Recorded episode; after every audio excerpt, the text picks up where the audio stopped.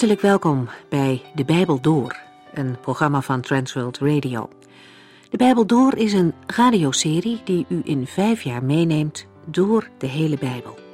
Van Genesis 1 tot Openbaring 22.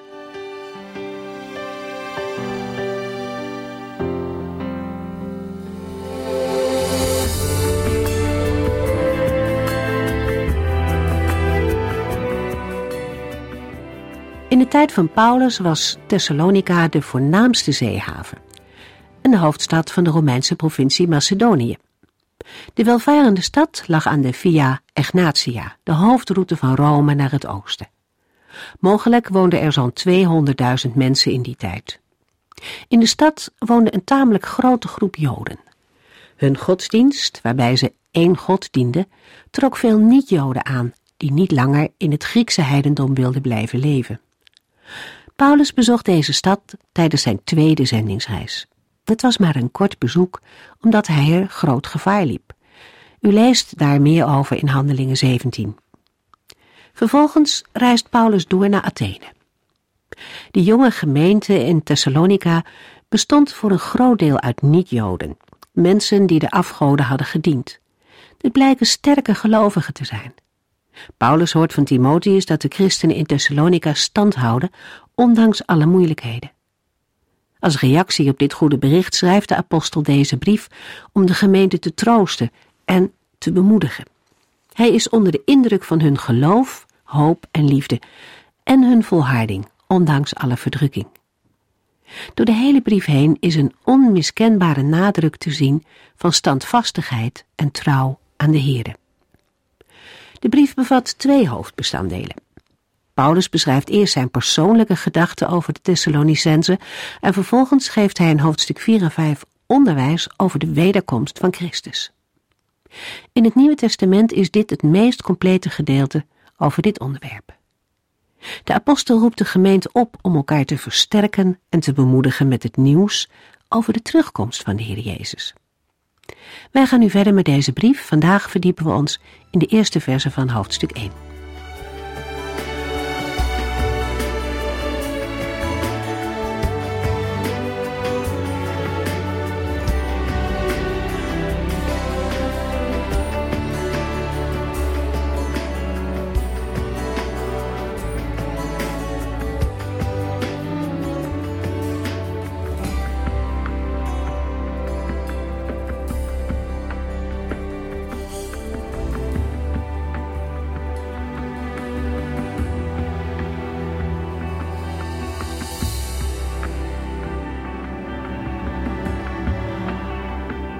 Paulus op zijn tweede zendingsreis de christengemeente in Thessalonica stichtte, had hij ook met vervolging te maken.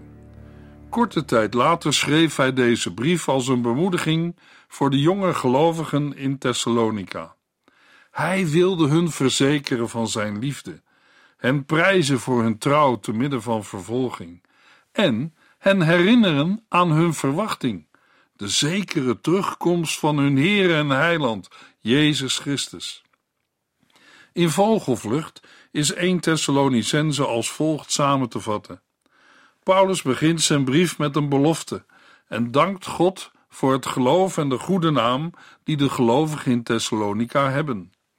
Dan kijkt hij terug op de goede verstandhouding die hij met hen had tijdens zijn bezoek, hoe hij en zijn metgezellen hun het evangelie brachten hoe de Thessalonicenzen die boodschap aanvaarden en hoe hij er nu naar verlangt bij hen te zijn. De bezorgdheid van Paulus om de Thessalonicenzen werd zelfs zo groot dat hij Timotheus stuurde om hen te versterken in hun geloof. Dan noemt Paulus in 1 Thessalonicense 4 de kern van zijn boodschap: bemoediging en troost. Hij moedigt de Thessalonicenzen aan in hun dagelijkse leven naar Gods wil te leven, alle seksuele zonden uit de weg te gaan, van elkaar te houden en te leven als goede burgers in een zondige wereld. Verder troostte apostel Paulus de gelovigen in Thessalonica door hen te herinneren aan de hoop op de opstanding. Hij waarschuwt hen dat zij voortdurend klaar moeten zijn omdat de Heer Jezus Christus elk moment kan terugkomen. En als Christus terugkomt, worden de nog levende christenen en die gestorven zijn opgewekt tot een nieuw leven. Hoe de Thessalonicenzen zich op de wederkomst van Christus moeten voorbereiden, vertelt Paulus hun in 1 Thessalonicense 5 vers 14. Zij moeten mensen die hun plicht verzaken heel ernstig waarschuwen, hen die bang zijn steunen en troosten, als ook voor de zwakken zorgen. Kortom, heb geduld met iedereen.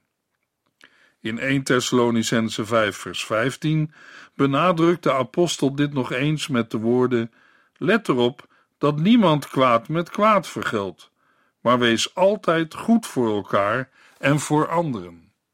Wees goed voor iedereen, altijd blij, bid zonder ophouden. Wees, wat er ook gebeurt, onder alle omstandigheden dankbaar. Alles wat gezegd, gedaan en geleerd wordt, moet op zijn echtheid worden beproefd. En een gelovige moet alles wat slecht en verkeerd is vermijden. Paulus besluit zijn brief aan de gemeente in de stad Thessalonica met twee zegeningen en het verzoek voor hem te bidden. Luisteraar, als wij nu deze brief van Paulus gaan lezen, moeten we goed letten op de praktische adviezen die de apostel geeft voor het leven als christen.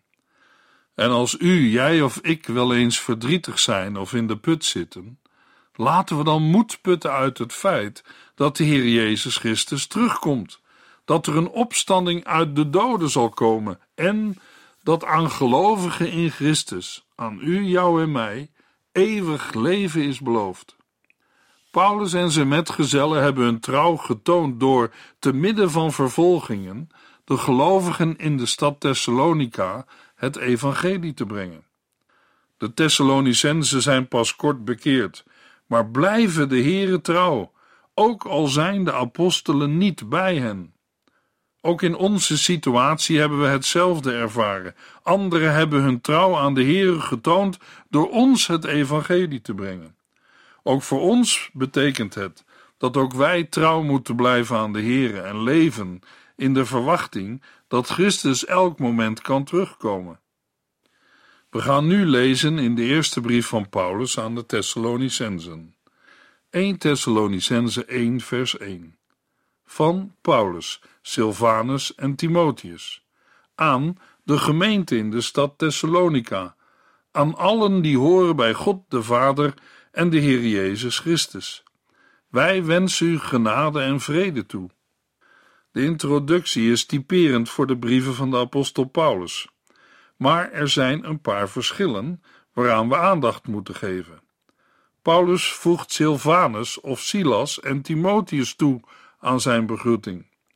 Wij weten dat Silvanus of Silas met Timotheus net waren teruggekeerd naar Paulus om hem verslag uit te brengen van hun bevindingen in Thessalonica. Door hun namen in de aanhef te vermelden, weten de Thessalonicenzen dat ook zij het allen met de inhoud van de brief eens waren. Met het noemen van hun namen laat de apostel ook zien dat zij alle dienaren van Christus zijn en één in de Heer Jezus Christus. Silvanus en Timotheus zouden onbekend gebleven zijn als de apostel Paulus hen niet regelmatig had genoemd. Maar samen met allen die niet zijn genoemd, zijn zij dienaren van Christus en horen zij met alle gelovigen bij God de Vader en de Heer Jezus Christus. Allen moeten zij uit Gods liefde en genade leven. Wij staan er niet vaak bij stil, maar de apostel Paulus identificeert zichzelf altijd met andere broeders en zusters. Hij stond niet op een afstand, scheidde zich niet af van anderen, werkte niet solistisch alleen, maar voelde zich verbonden met alle anderen die werkten in dienst van de Heer Jezus. Ook vandaag is het niet nodig om dominees, predikers en kerkelijke leiders op een voetstuk te plaatsen. Natuurlijk mag je blij zijn met je predikant, voorganger of geestelijke leider. Maar we hebben allen maar één meester en dat is Christus. Wat hebben wij dat wij niet van hem hebben ontvangen?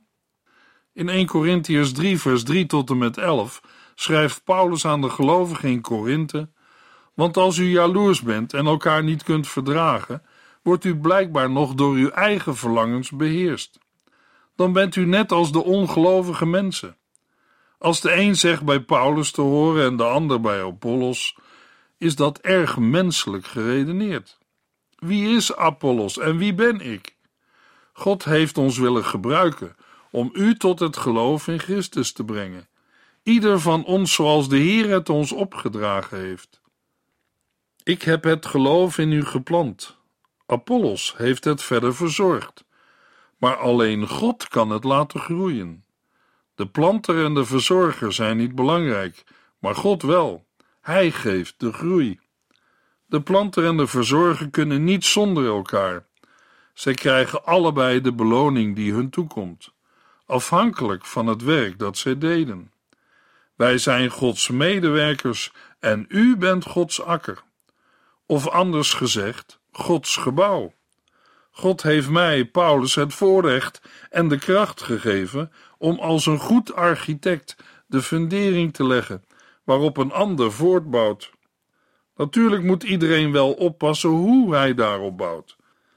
Want een andere fundering dan Jezus Christus mag niemand anders leggen. 1 Thessalonicense 1 vers 1 van Paulus, Silvanus en Timotheus aan de gemeente in de stad Thessalonica, aan alle die horen bij God de Vader en de Heer Jezus Christus. Wij wensen u genade en vrede toe. De brief begint, zoals elke brief in die tijd, met de afzender, de geadresseerde en de groet. Paulus gebruikt in de groet het woord genade. Daarmee wordt de betekenis van een gebruikelijke groet veel dieper. Joodse brieven begonnen meestal met shalom, het Hebreeuwse woord voor vrede. Het betekent welzijn en orde als gave van God. Paulus combineert de twee woorden tot één groet. Wij wensen u genade en vrede toe. Over de namen van Silvanus en Timotheus heb ik al iets gezegd. Wij weten niet welk aandeel beide hebben gehad in het schrijven van de brief. Wij weten wel dat zij medestichters van de gemeente van Thessalonica waren. Het Griekse woord voor gemeente, ecclesia, betekent behalve gemeente ook volksvergadering. De plaatselijke gemeente van Thessalonica heeft haar basis in God de Vader en in de Heer Jezus Christus. Zij hebben de gemeente bijeen vergaderd en daarvoor zijn Paulus, Silvanus, Timotheus en anderen gebruikt aan de gemeente in de stad Thessalonica, aan alle die horen bij God de Vader en de Heer Jezus Christus. Paulus koos voor zijn zendingsreizen meestal steden uit die het centrum van de toen bloeiende cultuur vormden. Vanuit de stad drong dan het evangelie door naar het platteland. Thessalonica was de hoofdstad en de grootste stad van de Romeinse provincie Macedonië. De belangrijkste Romeinse hoofdweg liep door Thessalonica. Dankzij deze hoofdweg en de drukke haven was de stad een van de rijkste en meest bloeiende handelscentra van het Romeinse keizerrijk. Omdat Thessalonica een vrije stad was, mocht zij haar eigen bestuur regelen en was ze uitgesloten van veel beperkingen die Rome wel had opgelegd aan andere steden in het keizerrijk maar door het internationale karakter trok de stad veel heidense godsdiensten en culturele invloeden aan, die het geloof van de jonge christenen in Thessalonica erg op de proef stelden. Maar de christelijke gemeente is eigendom van God de Vader. We lezen dat ook in 1 Corinthians 1, vers 2, waar Paulus schrijft: aan Gods gemeente in Korinthe die voor Jezus Christus is afgezonderd. U hoort bij Hem omdat Hij u heeft geroepen, net als alle gelovigen over de hele wereld. Hij is zowel hun Heere als de onze. Deze wonderlijke eenheid en verbondenheid verwoordde de Heer Jezus al in Johannes 17, vers 21 tot en met 23, waar hij bidt: Ik vraag u, Vader, of zij net zo één mogen zijn als u en ik. U bent in mij en ik ben in u. Laat hen ook zo in ons zijn. Dan zal de wereld geloven dat u mij gestuurd hebt. Ik heb hun dezelfde eer gegeven als u mij gegeven hebt, om hen zo één te laten zijn als u en ik. Doordat ik in hen ben en u in mij bent, zullen zij een volmaakte eenheid zijn. Dan zal de wereld erkennen dat u mij gestuurd hebt en dat u net zoveel van hen houdt als van mij. Aan alle die horen bij God de Vader en de Heer Jezus Christus. Tegenover niet-Joden noemt de apostel God de Vader het eerst. De Heere, de God van Abraham, Isaac en Jacob, is in Christus ook onze Vader. Mensen van niet-Joodse afkomst hadden vaak een vaag godsbesef en kenden geen God als Vader. Ook het woord genade geeft een diepe betekenis aan de groet van de apostel. Genade is Gods gunst voor zondaars. In Romeinen 3, vers 23 tot en met 26 schrijft Paulus aan de gelovigen: Alle mensen hebben gezondigd en missen daardoor Gods nabijheid. Maar God is zo goed en vergevend hen weer aan te nemen, zonder dat het hun iets kost en zonder dat zij het hebben verdiend, omdat Jezus Christus hen uit de greep van de zonde heeft bevrijd. God heeft Christus Jezus gegeven als verzoeningsoffer. Door zijn bloed zal de mens, wanneer hij gelooft, Gods rechtvaardigheid ontdekken. God gaat namelijk voorbij aan de zonden die eerder gepleegd waren, om uiteindelijk in deze tijd te laten zien hoe rechtvaardig hij is. Dat doet hij door iedereen die in Jezus gelooft vrij te spreken. Wat een wonder, als een mens mag horen bij God de Vader en de Heer Jezus Christus. 1 Thessalonicense 1 vers 2 Telkens wanneer wij bidden, danken wij God voor u. Paulus begint zijn brieven zoveel mogelijk met dank aan God. Wij danken bepaalt de rest van het hoofdstuk. Paulus dankt heel concreet. Hij vult het hele eerste hoofdstuk met zaken en gebeurtenissen waarvoor hij dankt. Telkens wanneer wij bidden, danken wij God voor u, is een nadere aanduiding van wij danken altijd. Wanneer Paulus bidt, is er altijd iets om voor te danken. Hij dankt voor de hele gemeente, niemand uitgezonderd. Het hoeft niet te betekenen dat hij alle gemeenteleden persoonlijk kent. Als een gelovige in het gebed aan iemand denkt, betekent het dat hij of zij voorbeden doet voor de bedoelde persoon. Met het woordje wij bedoelt de apostel zichzelf en zijn helpers. De verzekering van voorbeden en dank voor de geadresseerden was een vaste gewoonte in de briefwisselingen van de apostel Paulus. Daarbij moeten we wel bedenken dat deze vermelding bij de apostel meer was dan een beleefdheidsvorm. Paulus bad voor alle christengemeenten die hij heeft mogen stichten. Paulus had een enorme lijst met gebedspunten. Het zou voor ons een interessante Bijbelstudie zijn om al deze mensen en gemeenteleden in de Bijbel te gaan zoeken. U zult verrast en verbaasd zijn voor hoeveel verschillende gemeenten, groepen en individuen de apostel Paulus bad.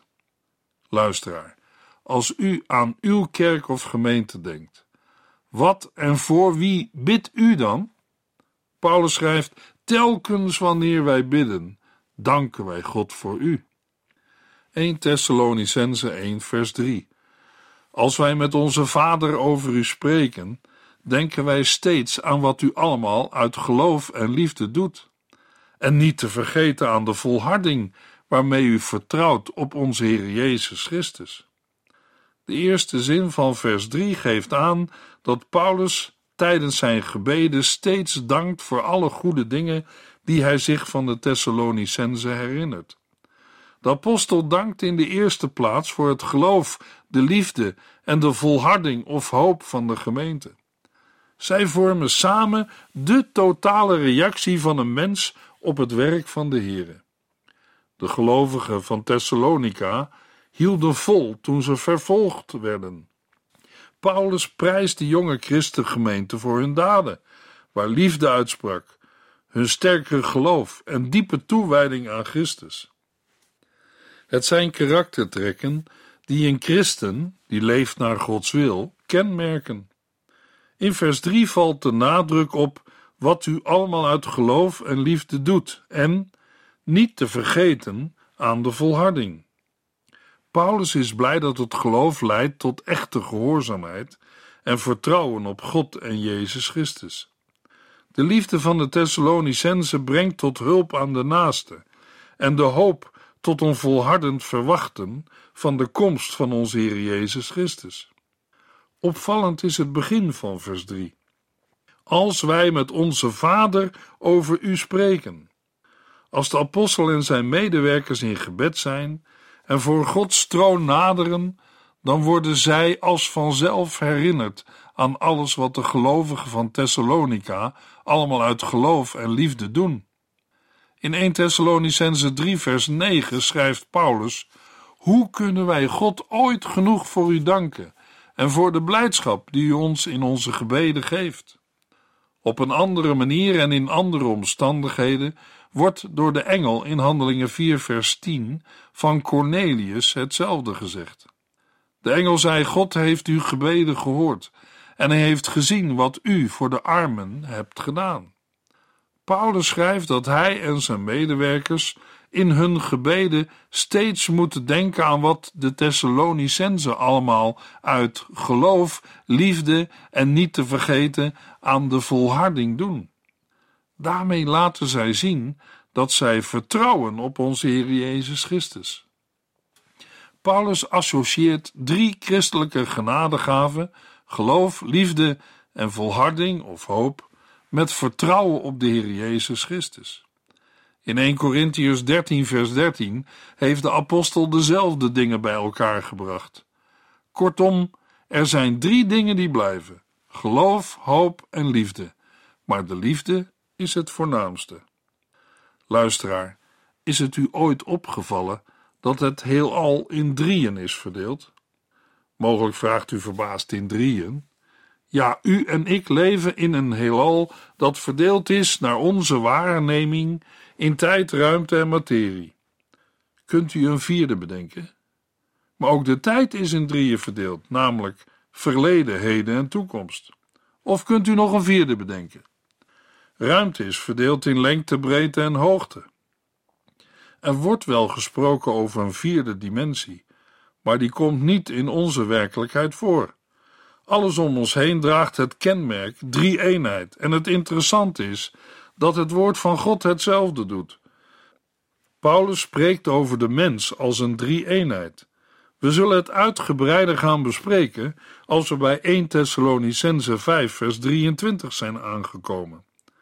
We lezen er over het wezen van een mens en dat uw hele wezen, geest, ziel en lichaam zuiver blijft tot de komst van onze Heer Jezus Christus.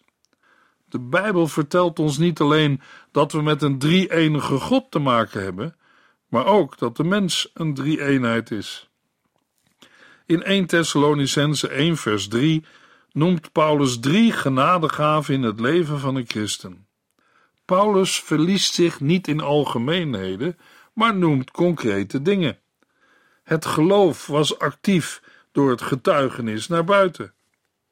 In 1 Thessalonicense 1 vers 8 schrijft de apostel: Van u uit heeft het goede nieuws verder zijn weg gevonden, tot ver over de grenzen.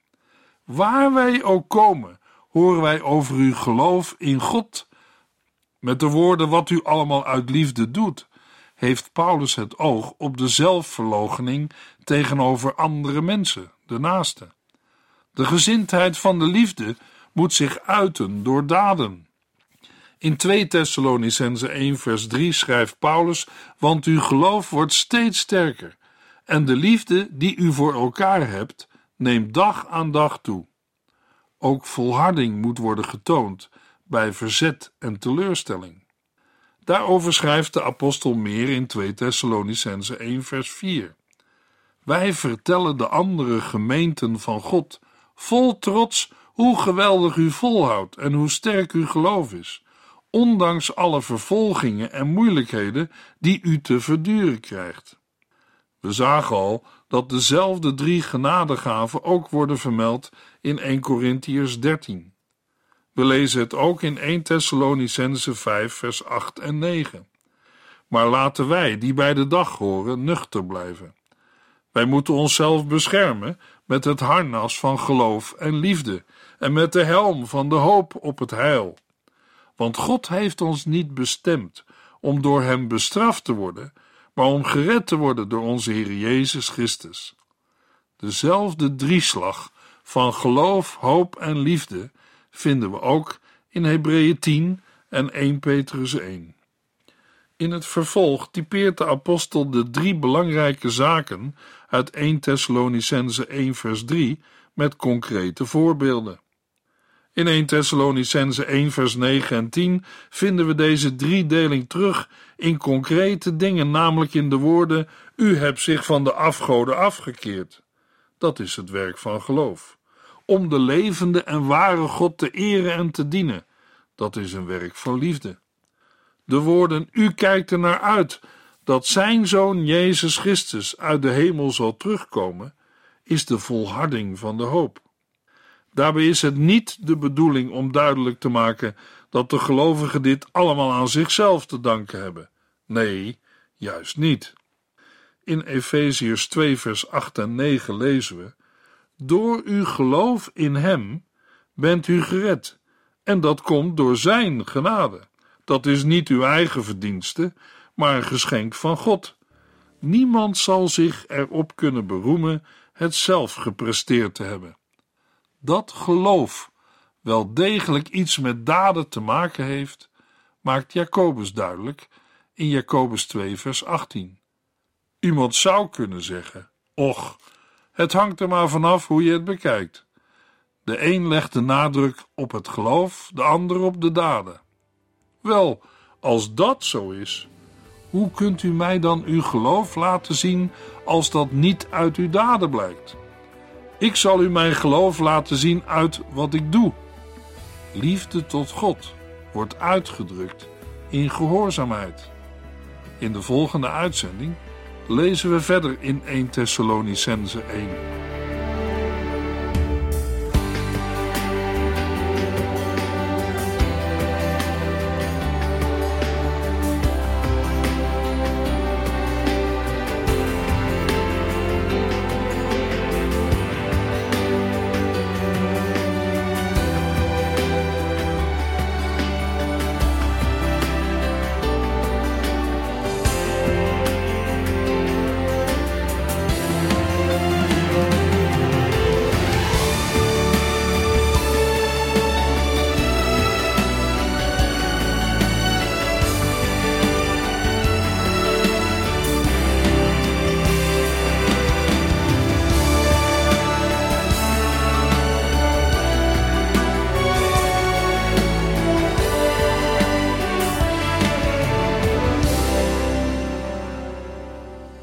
Geluisterd naar De Bijbel Door.